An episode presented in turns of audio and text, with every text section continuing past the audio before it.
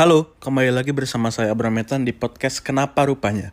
Masih di segmen Tuna Hukum, di mana saya akan menjawab pertanyaan tentang hukum yang mungkin absurd, tapi sebenarnya tetap mengandung jawaban yang logis dalamnya.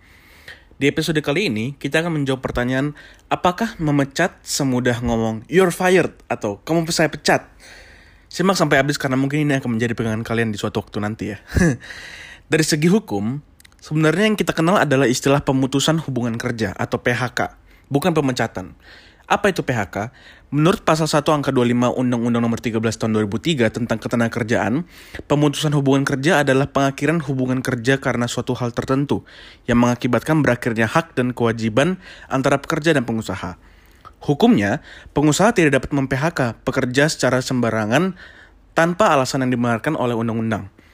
Bahkan dalam hal PHK, menurut pasal 1531 UU Ketenagakerjaan yang sekarang juga udah diubah di UU nomor 11 tahun 2020 tentang Cipta Kerja. Pengusaha tidak boleh mem-PHK pekerja karena 10 alasan-alasan ini. Satu, berhalangan masuk kerja karena sakit menurut keterangan dokter selama waktu tidak melampaui 12 bulan secara terus-menerus. Dua, berhalangan menjalankan pekerjaannya karena memenuhi kewajiban terhadap negara sesuai dengan ketentuan perundang-undangan yang berlaku. Tiga, menjalankan ibadah yang diperintahkan agamanya. Empat, menikah. Lima, hamil. Melahirkan, gugur kandungan atau menyusui bayinya. Enam, mempunyai pertalian darah dan atau ikatan perkawinan dengan pekerja atau buruh lainnya di dalam satu perusahaan. Kecuali telah diatur dalam perjanjian kerja, peraturan perusahaan, atau perjanjian kerja bersama. 7. Mendirikan, menjadi anggota, dan atau pengurus serikat pekerja atau serikat buruh, melakukan kegiatan serikat pekerja atau serikat buruh di luar jam kerja atau di dalam jam kerja atas kesepakatan pengusaha atau berdasarkan ketentuan yang diatur dalam perjanjian kerja, peraturan perusahaan, atau perjanjian kerja bersama. 8. Mengadukan pengusaha kepada yang berwajib mengenai perbuatan pengusaha yang melakukan tindak pidana kejahatan. 9. Berbeda paham, agama, aliran politik, suku, warna kulit, golongan, jenis kelamin, kondisi fisik, atau status perkawinan. 10. Dalam keadaan catat tetap, sakit akibat kecelakaan kerja atau sakit karena hubungan kerja yang menurut surat keterangan dokter yang jangka waktu penyembuhannya belum dapat dipastikan. Dan ditegaskan juga dalam ayat 2-nya, pasal 153, jika pengusaha mem-PHK pekerja karena alasan-alasan yang disebutkan tadi, maka PHK tersebut batal demi hukum dan pengusaha wajib memperkerjakan kembali pekerja yang bersangkutan. Malah sebenarnya udah jelasin dalam pasal 151 UU Tenaker yang ada perubahan di UU Cipta Kerja. Ayat 1, ditegaskan baik pengusaha maupun pekerja diharuskan dengan segala upaya agar jangan sampai terjadi PHK. Di ayat 2-nya, jika segala upaya telah dilakukan tetapi PHK tidak, tetap tidak terhindarkan, maka maksud dan alasan PHK harus diberitahukan oleh pengusaha kepada pekerja dan serikat pekerja. Ayat 3, jika pekerja telah diberitahu dan menolak PHK, penyelesaian pemutusan hubungan kerja wajib dilakukan melalui perundingan bipartit antara pengusaha dengan pekerja dan atau serikat pekerja.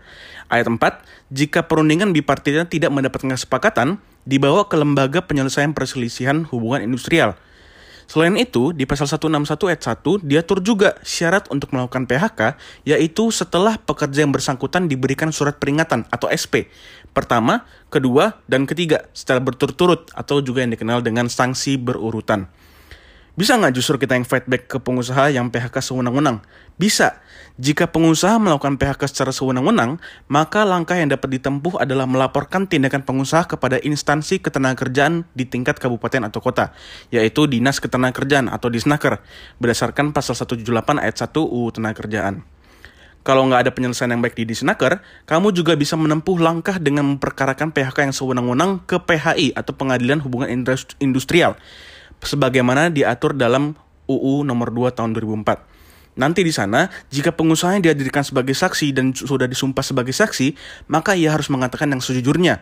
Kalau dia berbohong mengenai alasan PHK-nya dan Anda tetap memiliki bukti bahwa ia berbohong, maka di sini pengusahanya bisa dikenakan tuduhan pasal 242 KUHP, yaitu tindak pidana pemberian keterangan palsu yang bisa dihukum sampai penjara 7 tahun.